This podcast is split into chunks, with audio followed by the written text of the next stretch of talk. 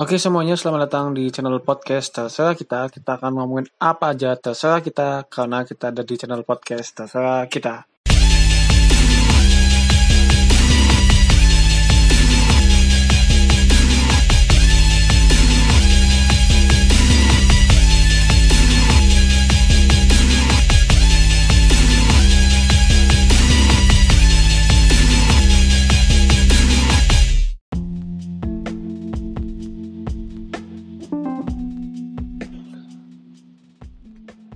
Halo, selamat datang lagi channel podcast terserah kita. Kita ngomongin apa aja terserah kita dan hari ini kita di konten kata kita. Oke. Jadi kalau misalkan ini rekamannya banyak gangguan, mohon maaf karena sedang tidak berada di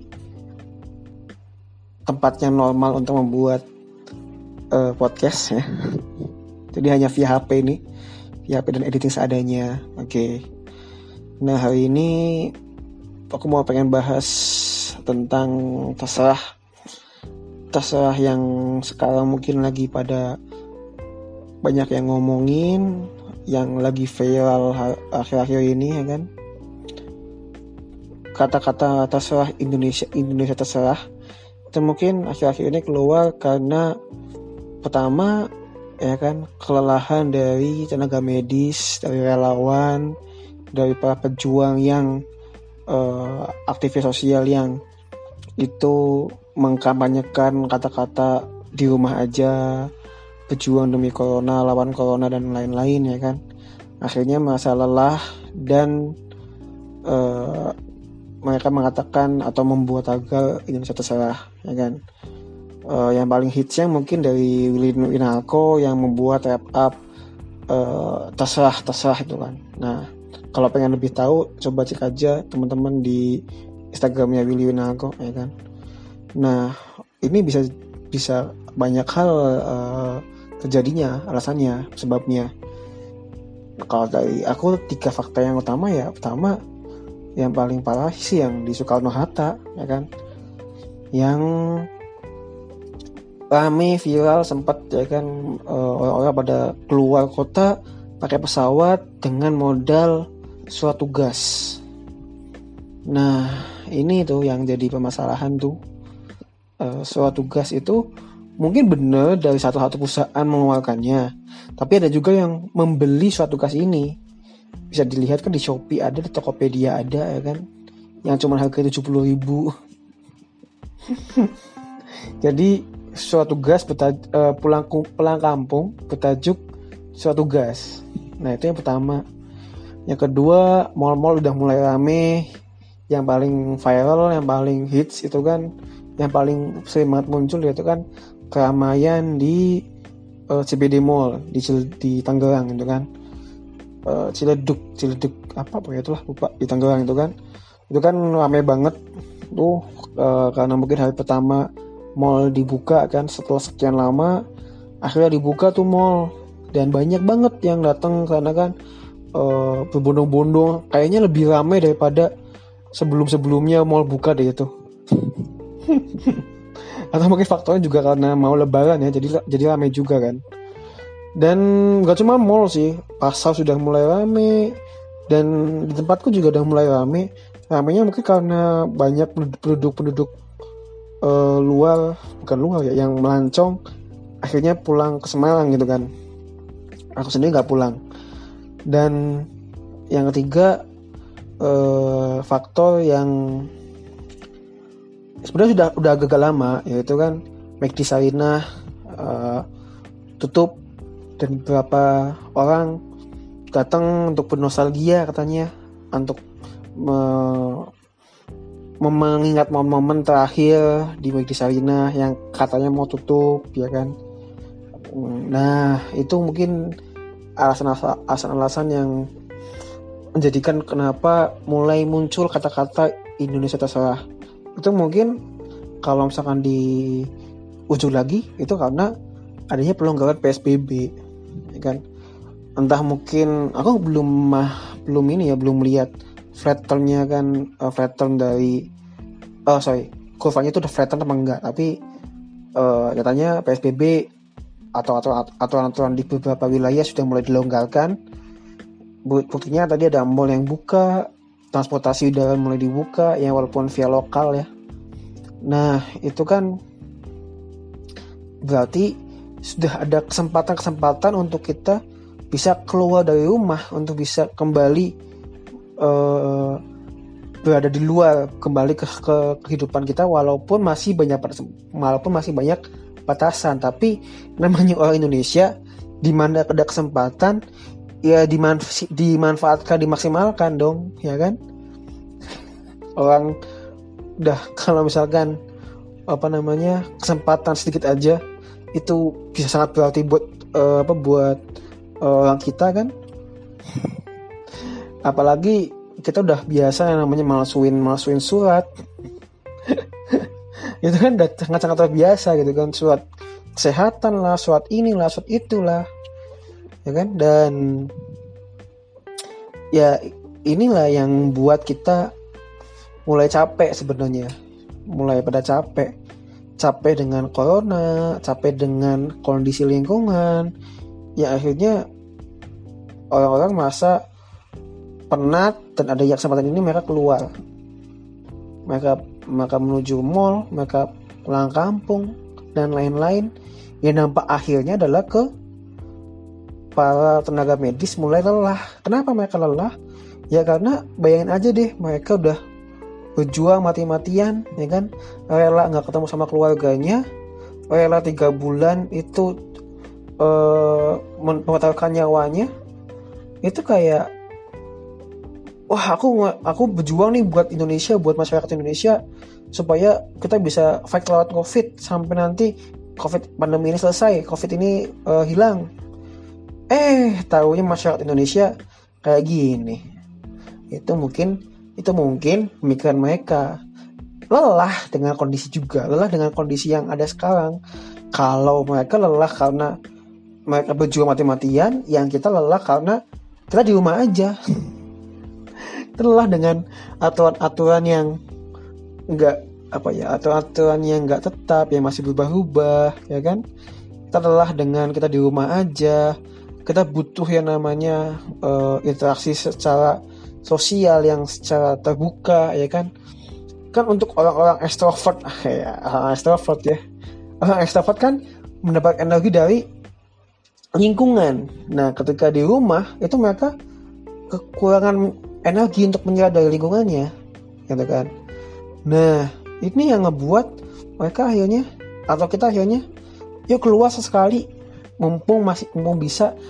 Dan atau mungkin uh, ada orang tua orang tua yang yuk lebaran. Ah selalu yuk ke mall. Kita beli baju buat lebaran kita buat uh, kita beli bahan bakan makanan pokok buat lebaran gitu kan. Dia bisa aja. Dan seharusnya kita juga memahami kenapa kita bisa berada di posisi ini sekarang? Bisa berada di kondisi sekarang? Ya karena kita adalah negara demokrasi. Indonesia adalah negara demokrasi. Negara yang menjunjung tinggi kebebasan individunya. Walaupun kita bukan negara liberal ya. Tapi demokrasi menurutku demokrasi Indonesia tuh udah agak liberal-liberal sedikit lah. Nah itu yang Makanya pendapat pribadi, pendapat individu bisa saja keluar dengan bebas dan bisa saja itu tanpa bukan tanpa batas ya itu bisa saja menurut orang lain melampaui batas. Tapi ya kalau itu hanya pendapat pribadi ya bisa aja dianggap tidak sebagai sebuah kesalahan ya kan? Dan masalahnya juga bukan masalah ya. Dan uh, faktanya juga sekarang adalah kita sedang menjunjung tinggi namanya HAM. Kasus-kasus HAM tuh sedang dinaik-naikkan tuh. Bahwa mungkin karena kasusnya UITE ya, banyak-banyak banyak banget orang-orang yang uh, kena masalah karena UITE. Yang itu mungkin menurut kita semua sebenarnya UITE UITE salah atau kalau tepat. Yang menurutku UITE itu harus banyak direvisi lah. Dan itu kayak kita mulai itu kebebasan kita dilanggar. Kebebasan kita seperti ini seperti ini seperti ini ya kan? Pemerintah mulai uh, represif dan lain-lain ya kan? Nah kita berada di situ loh di ham kita mulai menjunjung tinggi namanya uh, human right uh, ham dan lain-lain. Dan ada juga ya SJW SJW dan lain-lain lah sebenarnya. Dan itu yang membuat kita harusnya paham bahwa kita di, berada di negara demokrasi yang semua orang bisa berpendapat bisa bertindak dengan pandangan mereka masing-masing. Yang menurut mereka benar menurut mereka baik karena tadi mereka punya pendapat mereka mereka punya uh, alasan mereka ya kan? Entah itu karena lelah entah itu mereka men menyalahkan pemerintah yang aturannya berubah-ubah dan lain-lain ya kan kita juga nggak bisa melarang uh, para tenaga medis itu yang mengatakan Indonesia terserah. Ya mereka capek sama aja dengan kayak kita. Dan bukan berarti mereka tuh pasrah enggak. Eh, mereka lelah tapi bukan pasrah bukan menyerah bukan.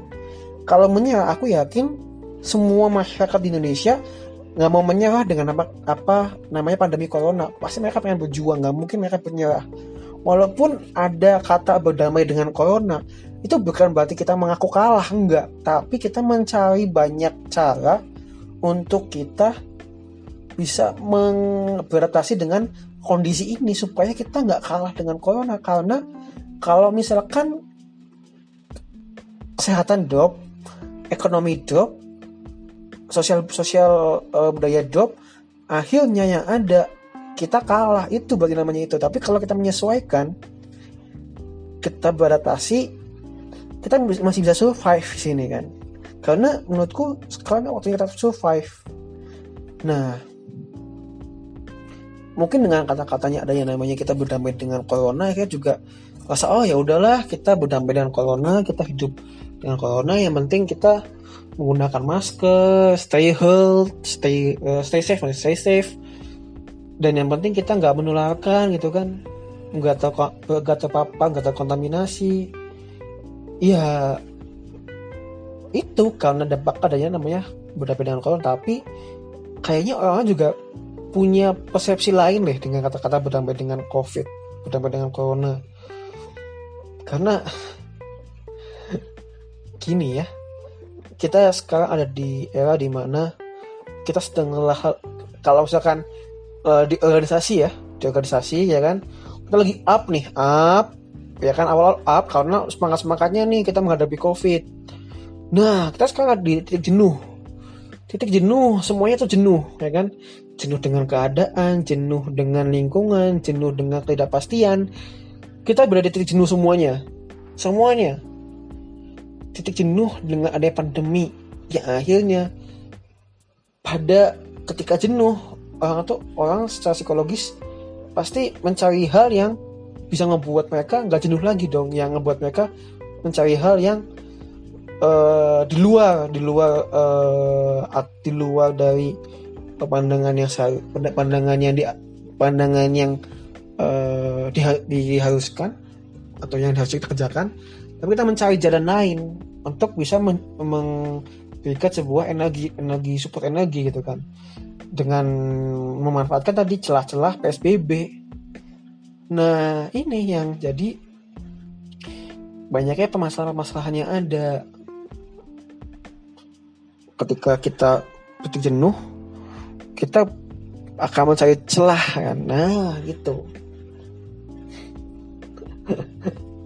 Kita akan uh, mencari ruang-ruang kesempatan-kesempatan supaya kita nggak jenuh lagi.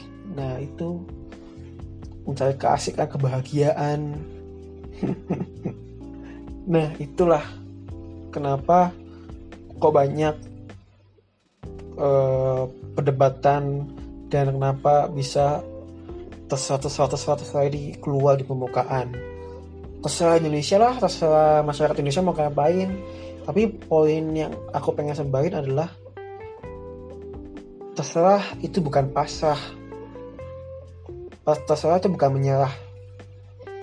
Terserah itu sebenarnya adalah menurutku sendiri ya aku sendiri membuat channel terserah kita itu bukan berarti aku pengen jadi orang yang sebebas bebas ya enggak. Bukan berarti aku bakal bebas ngomongin A B C D E F G H I J K L M N O P Q R S 2 V X Y Z enggak. Ada batasan-batasan yang aku nggak bakal ngomongin itu. Nggak bakal ada konten ini. Bahkan ada beberapa konten yang aku sensor kan ketika mungkin aku uh, ngomong uh, share sama orang lain. Nah ini yang harus diperhatikan gitu kan. Terserah itu bukan berarti bebas sepenuhnya.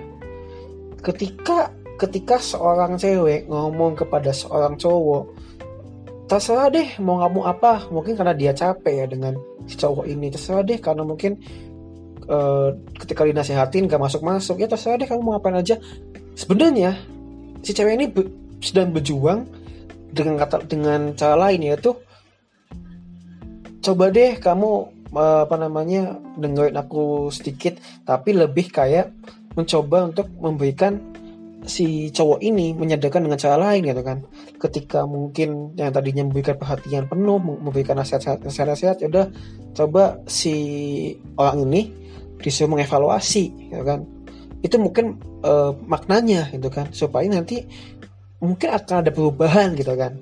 Karena kalau misalkan pasrah ya udah ya si cewek nggak bakal nego-nego lagi dan nggak bakal berharap lagi si cowoknya ya udah bebas terserah mau ngapain bebas mau ngapain ya kan nah kalau terserah berarti kita harusnya jadi sebuah bahan evaluasi diri kita sendiri semua bahan diri bahan evaluasi kita semua.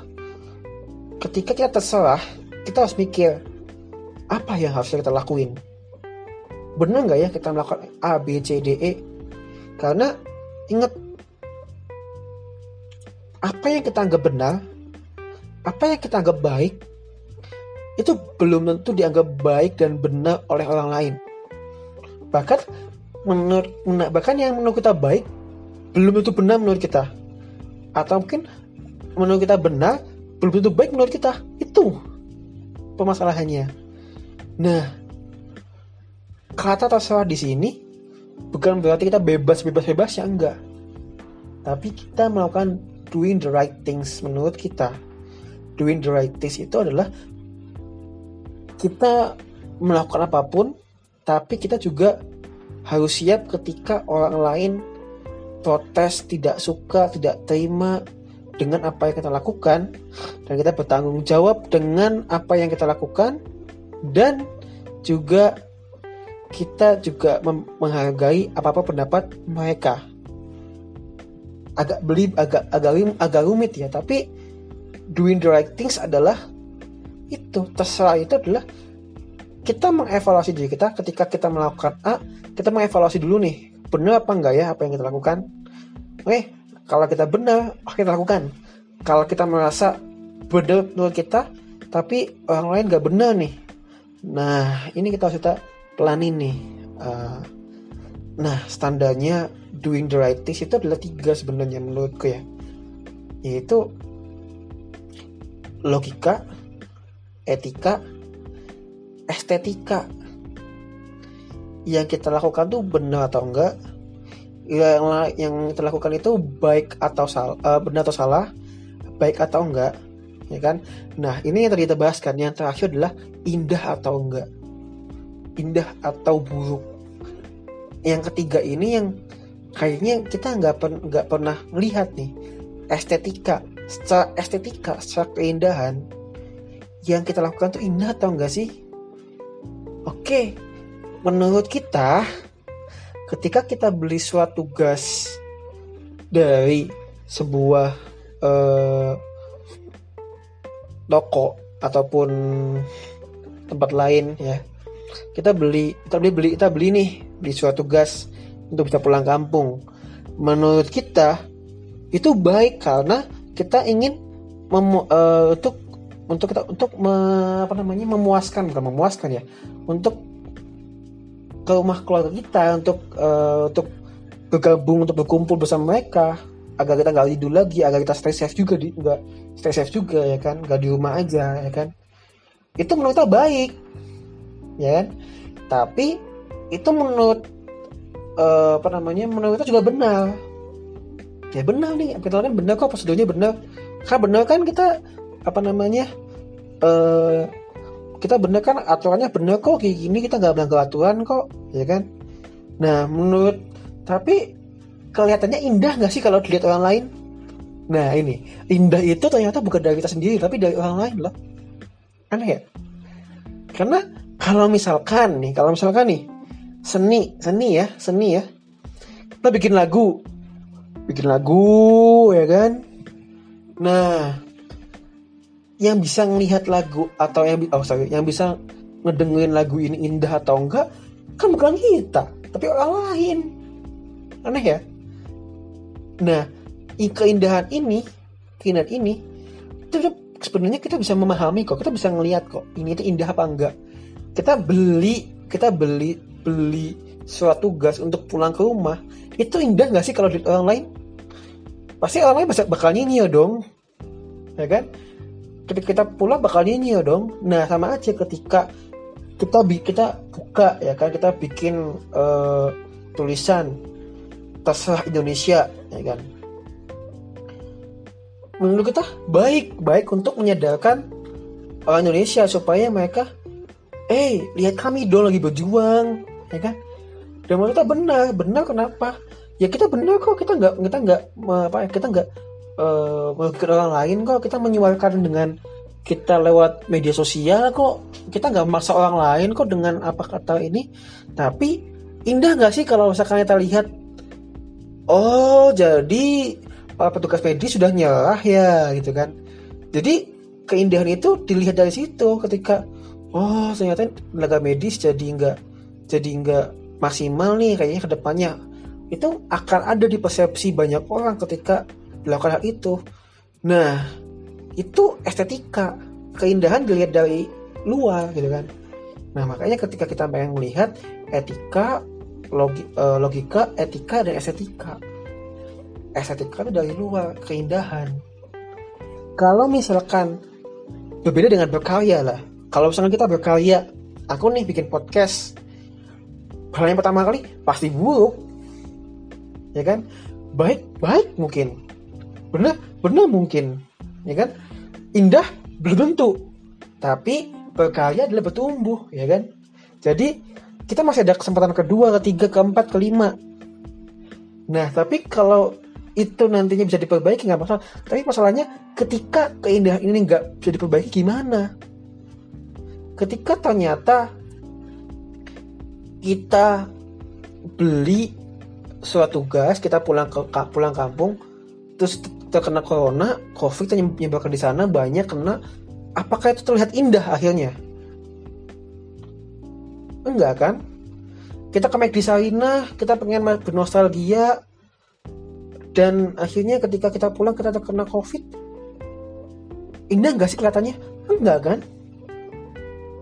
Dan bisa diperbaiki atau enggak? Enggak kan?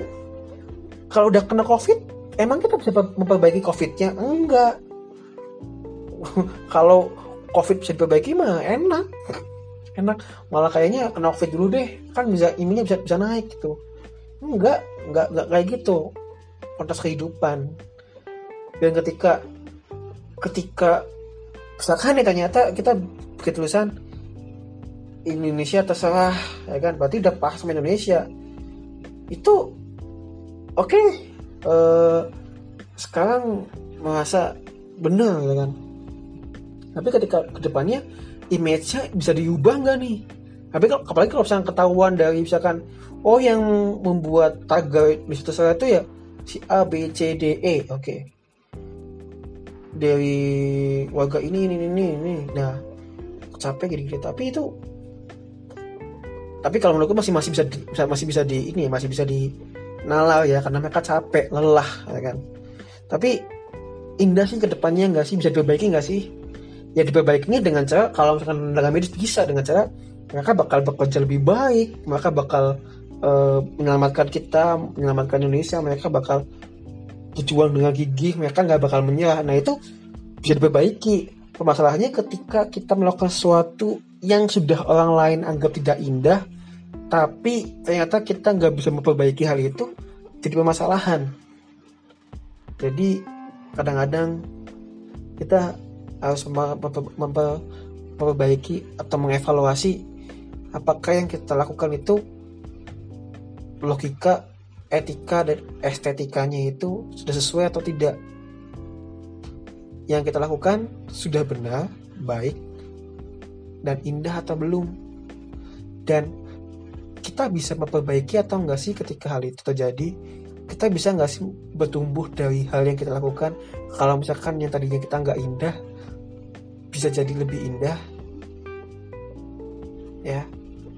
Dan pastinya kita semua pengen lihat setelah pandemi ini selesai kehidupan kita kembali normal walaupun gak normal-normal banget tapi kita melihat bahwa Indonesia bisa berjuang loh. Saya pengen lihat saya pengen punya harapan di mana kita adalah negara yang dijadikan percontohan bagaimana kita menangani COVID atau menangani permasalahan-permasalahan lain. Karena saya yakin di Indonesia banyak banget yang namanya cendekiawan-cendekiawan, banyak banget orang-orang hebat, banyak banget influencer-influencer yang bisa menginfluence, yang bisa membuat dampak yang luar biasa buat Indonesia. Dan saya yakin Indonesia bukan akan jadi bukan akan meniru bukan akan meniru lagi tapi dia yang akan dicontoh. Nah kalau misalkan kita masih menyalahkan satu sama lain kapan kita bisa kayak gitu? Kapan kita jadi bangsa yang hebat? Soekarno pernah bilang perjuangan kita akan lebih sulit karena kita akan berhadapan dengan bangsa kita sendiri. Jadi, ayo bareng-bareng men. Satu Indonesia, kita bareng-bareng. Terserahnya bukan terserah sebebas-bebasnya, tapi terserah apa yang kita lakukan itu bisa membuat Indonesia atau seenggaknya bisa membuat lingkungan kita lebih baik lagi lingkungan kita indah jika dilihat. Jadi doing the right things dari logika, etika, dan estetika. Terima kasih telah mendengar podcast ini dan sampai jumpa di podcast berikutnya.